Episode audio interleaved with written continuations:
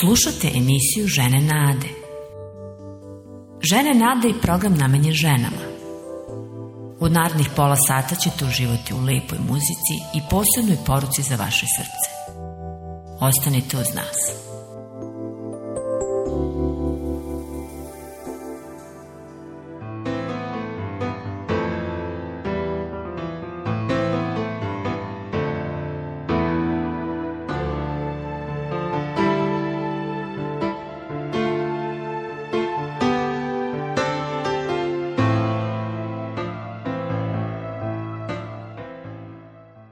Pozdrav, drage prijateljice, poštovane žene Nade. Ja sam Tanja.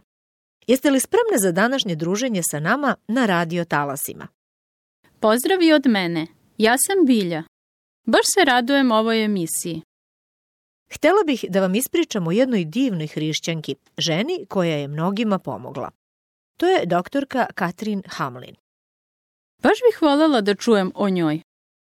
Ona je od onih ljudi koji su čuli Boži glas da odu iz svog kraja u neki drugi i tamo urade nešto posebno. Katrin je australijanka, rođena 1924. godine i za svog radnog veka je spasila živote više od 30.000 žena. Molim, toliko njih. Svakako je red da nešto čujemo o njoj. Slažem se. Primila je mnoge nagrade za svoj rad u Etiopiji gde je imala kliniku na kojoj se posebno bavila ginekološkim problemima. Mnogi ljudi širom sveta su prepoznali njenu službu i pomogli joj. Nego, da vam kažem koju reč o njenom životu. Rođena je u Australiji, odrasla u hrišćanskoj i mućnoj porodici. U vreme kada se odlučila za lekarski poziv, odlučila je i da sledi Božiji put misije. Bila je voljna da uradi nešto značajno za Božje delo. Specijalizovala je akušerstvo i udala se za kolegu Reg Hamlina. Oboje su 1959. godine stigli u Etiopiju i odmah su počeli sa obukom babica. Katrin je govorila, verujem da nas je Bog doveo ovde. Nismo planirali da sve ovo ide ovako, ali on nam je dotakao srca. Da, zvuči baš tako. Bog ih je tamo doveo da bi pomogli napaćenim etiopljankama. Kako je sve to dalje teklo? Tražili su donacije širom sveta i 1974. otvorili sobstvenu bolnicu u Addis Abebi u Etiopiji. Sve je bilo besplatno i nisu pravili razliku između plemena i verskih pripadnosti. Zajedno su radili 19 godina. Onda je Reč umro 1993 a Katrin je odlučila da ostane i dalje pomaže ženama. Iako je bila u 80. godinama života, i dalje je izvodila operacije. Nema sumnje da je bila jaka i posvećena žena. Bila je, a najviše joj je bilo stalo do prevencije. Nekoliko godina kasnije, 2007. otvorilo je i školu za babice. One su išle širom zemlje po selima učeći žene svim merama prevencije. Onda je otvorilo još nekoliko klinika u Etiopiji sa novim generacijama obučenih babica na terenu.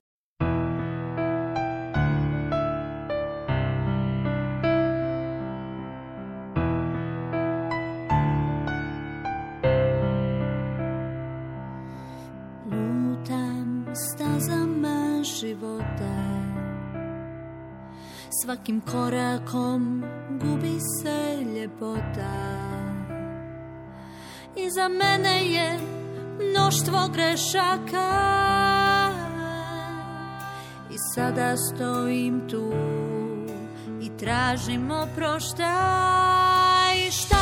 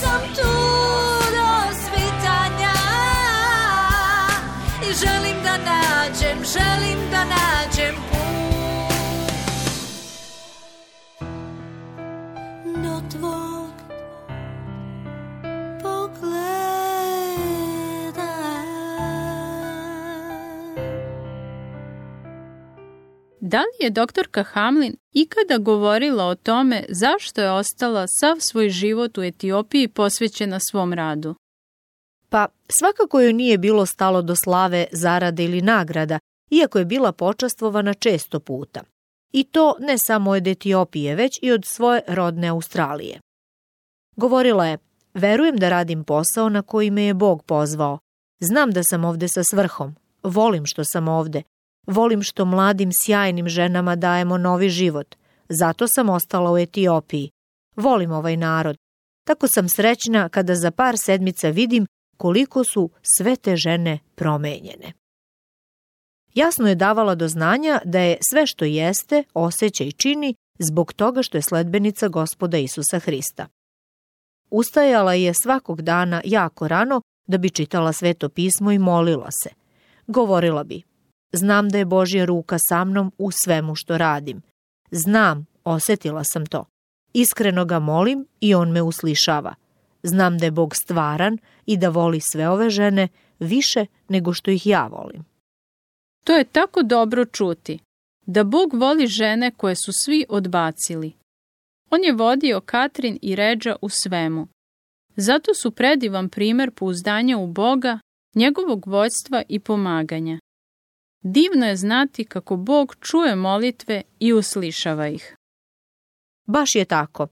Katrin i njene saradnice iz bolnice su znale u kakvom su stanju sve te žene, da su bolesne i telom i dušom, da im je srce slomljeno i da im je potrebno božansko isceljenje. Katrin je govorila, Sve one misle da ih je Bog kaznio, zato je sa jako, jako stide svog stanja. Često ih i muževi odbacuju. Nije žalila vreme da ih dugo sluša. Grlila ih je i govorila koliko su dragocene Bogu. Svaki novi dan u bolnici je sa osobljem otpočinjala zajedničkom molitvom. A dok bi se lečile, sve su pacijentkinje slušale čitanje Svetog pisma čule su poruku nade i Božje ljubavi na svom jeziku. Mnoge od njih su naučile kako da se pouzdaju u Boga i kako da slede Isusa.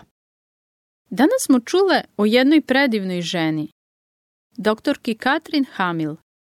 Čule smo kako se pouzdala u Boga koji je vodio u njenoj životnoj lekarskoj misiji. Tolike žene su dobile priliku da iznova započnu u životu. Sve što je postigla bilo je zbog vere u Boga, koji joj je pokazao kako da voli te jadne i napaćene žene. A uvek je provodila vreme u molitvi. Bog ju je zato blagoslovio i upotrebio za velike promene u Etiopiji. Pitam se, slušajući sve ovo, da li i ja dopuštam Bogu da me koristi? Da li sam na raspolaganju s Bogom danim veštinama? Doprinosim li dobru makar koliko? Kako bih to mogla? Drage naše žene nade, da li biste se na kraju emisije pomolile sa mnom baš za ovo? Molimo se. Dragi Bože, želim da ti pripadam. Želim da me vodiš kroz život. Molim te, pokaži mi kako da upotrebim veštine koje si mi dao. Kako da radim ono što želiš od mene. U Isusovo ime, amin.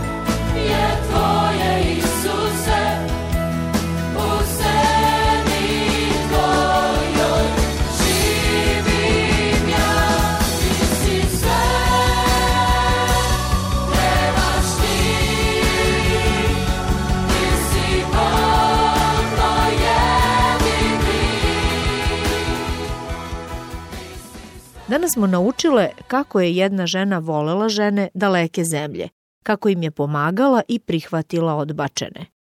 Ali iznad svega je bilo stalo da svaka žena, pa i mi, saznamo da nas Bog voli i da nam pomaže, makar da nas i sav svet odbacuje. Da, Bog nas voli i ceni. U njemu je i vaša nada, drage naše prijateljice, drage žene nade. Nikada to ne zaboravite. I ovog puta ćemo za kraj pročitati jedan odlomak iz knjige Njeno ime je žena. Slušamo o još jednoj izuzetnoj osobi o kojoj nam govori sveto pismo. Jevrejska sluškinja, devojka koja je govorila o Bogu. Jevrejska sluškinja, devojka koja je govorila o Bogu. Druga carevima peta glava od prvog do petog stiha. I beše Neman, vojvoda cara Sirskoga, čovek velik u gospodara svojega i u časti, jer preko njega sačuva gospod Siriju, ali taj veliki junak beše gubav. A iz Sirije izađe četa i zarobi u zemlji izraelskoj malu devojku, te ona služaše ženu Nemanovu. I ona reče svojoj gospođi, o, da bi moj gospodar otišao k proroku u Samariji, on bi ga oprostio od gube. Tada on otide k svome gospodaru i javi mu govoreći, tako i tako kaže devojka iz zemlje izraelske. A car sirski reče mu, hajde idi, a ja ću poslati knjigu caru Izraeljevu. I on otide i ponese deset talanata srebra i šest tisuća sikala zlata i desetoro stajaćih haljina. I tako siđe i zaroni u Jordan sedam puta po reči čoveka Božjega i telo njegovo posta kao maloga deteta i očisti se. Tada se vrati k čoveku Božjemu sa pratnjom svojom i došav stade pred njim i reče, evo, sad vidim da nema Boga nigde na zemlji do u Izraelja, nego uzmi dar od sluge svojega. Dela apostolska 1.8 Nego ćete primiti silu kad duh sveti siđe na vas i bit ćete moji svedoci kako u Jerusalimu, tako i po svojoj Judeji i Samariji i sve do kraja zemlje. Godina 850. pre Hrista. Zvanično u Izraelu je vladao mir. Međutim, trupe sirijskog cara Venadada su i dalje upadale u Izrael i hvatale zarobljenike kao plen. Jednoga dana su zarobili mladu jevrejku koja nije imala više od 15 godina. Njeno ime nije zabeleženo u Bibliji. Možda je to zato što je ono što je o njoj rečeno toliko impresivno da je njeno ime od drugorazredne važnosti. Devojka je postala sluškinja žene oficira visokog ranga u carevoj vojsci. Oficir, Neman, bio je sposoban i vrlo uticajen. Bio je čovek koga je car vrlo poštovao zbog njegove odvažnosti u bormama. Da li je ovo bio rezultat molitava bogobojaznih roditelja ili odgovor na vapaj njenog srca Bogu, ne znamo. Ali ova mala sluškinja je verovatno preko pijace robljem u Damasku stigla u ovu dobru kuću. U tom momentu Neman je bio duboko zabrinut. Nad njegov dom se nadvila senka koja se nije mogla ukloniti. On je shvatio da ima gubu, najopasniju bolest. Kada bi čovek jednom dobio gubu, morao je do kraja života da se izdvoji od ostalih ljudi. Bila je to užasna bolest. Nekada su godine prošle pre nego što bi smrt došla kao oslobođenje čoveku koji pati u izolaciji. Neman je već bio mrtav čovek. Njegova fizička smrt se mogla zbiti za mnogo godina, ali realno za njegovu ženu, njegovog gospodara, kolege i za malu sluškinju on uskoro više neće postojati. Ni car, ni pobednički trofeji nisu mogli da spreče njegovo isterivanje iz društva. Biće primoran da, kao prosjek luta, izvan gradskih zidina. Svako komu se približi mora biti upozoren da se drži na odstojanju. Neman i njegova žena su pokušali da bolest zadrže u tajnosti, ali uskoro to više nije bilo moguće. Tajna se obelodanila, pa je čak i sluškinja bila svesna šokantne situacije. Ona nije bila ogorčena zbog ropstva u kojem se našla. Njena vera u Boga, koju je primila u roditeljskom domu, čuvala ju je od toga. Podredila se svojim gospodarima, pa je čak osjećala i sažaljenje prema njima. Oni su, prepoznavši to, imali poverenja u nju. Ipak imali su problem. Ali zar problemi ne postoje da bi se Bog za njih pobrinuo? Zar ovi sirici ne znaju da je Bog imao slugu na zemlji, Elisija, On je bio visoko poštovan u njenom roditeljskom domu. Tako, ona je kod svoje gospodarice otišla sa potpuno prirodnim predlogom. Zašto moj gospodar ne ide kod proroka u Samariji? On ga može isceliti od gube. Samo nekoliko reči i sve se promenilo. Umesto sigurne smrti javila se mogućnost života. Njena gospodarica je ove reči ozbiljno primila, a gospodar je smatrao da su te reči dovoljno značajne da ih prenese caru. Car je naredio trenutnu akciju. Čim je bilo moguće, Neman je bio na putu noseći mnoge darove i krećući u susret proroku Jelisiju u Samariji. Kad se vratio Neman, ne samo da je bio isceljen od smrtonosne bolesti, njegova koža je bila čista kao koža zdravog dečaka, nego je proces isceljenja otišao dublje. Njegovo srce je bilo dotaknuto.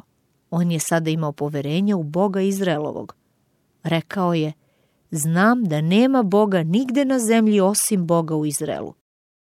Umesto da obožava idole, on je počeo da obožava živoga Boga.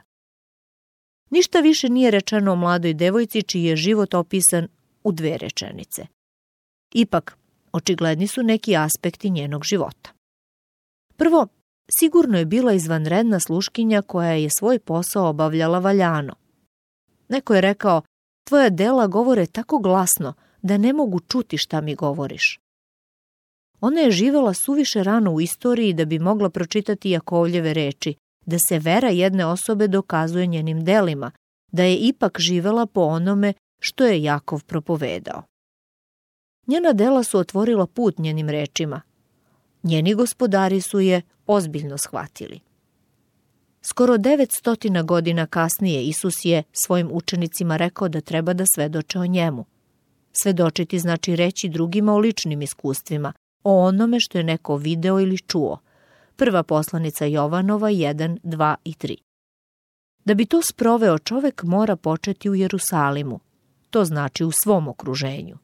Ako je neko spreman da to učini, Bog će upotrebiti reči.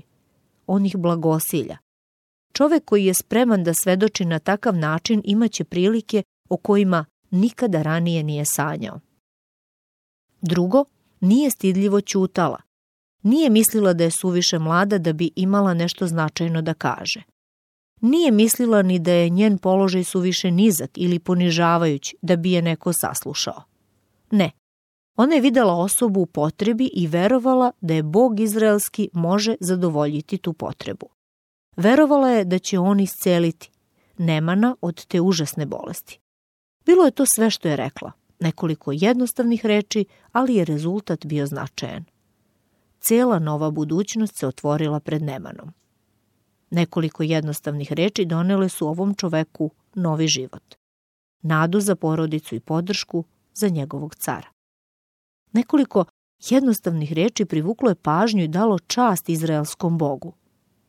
Ova mala sluškinja i dalje govori današnjim ljudima kroz reči koje su vođstvom duha svetoga zabeležene dugo posle njene smrti. Istorija nikada ne može da izbriše ono što je ona rekla i učinila. Nije mnogo rekla, ali ono što je rekla otkrilo je njenu veru, veru koja je iskušana stvarnošću i veru koja je služila ljudima oko nje. Zbog njene vere jedan život je promenjen beznačajnost male služavke i nije bila tako beznačajna.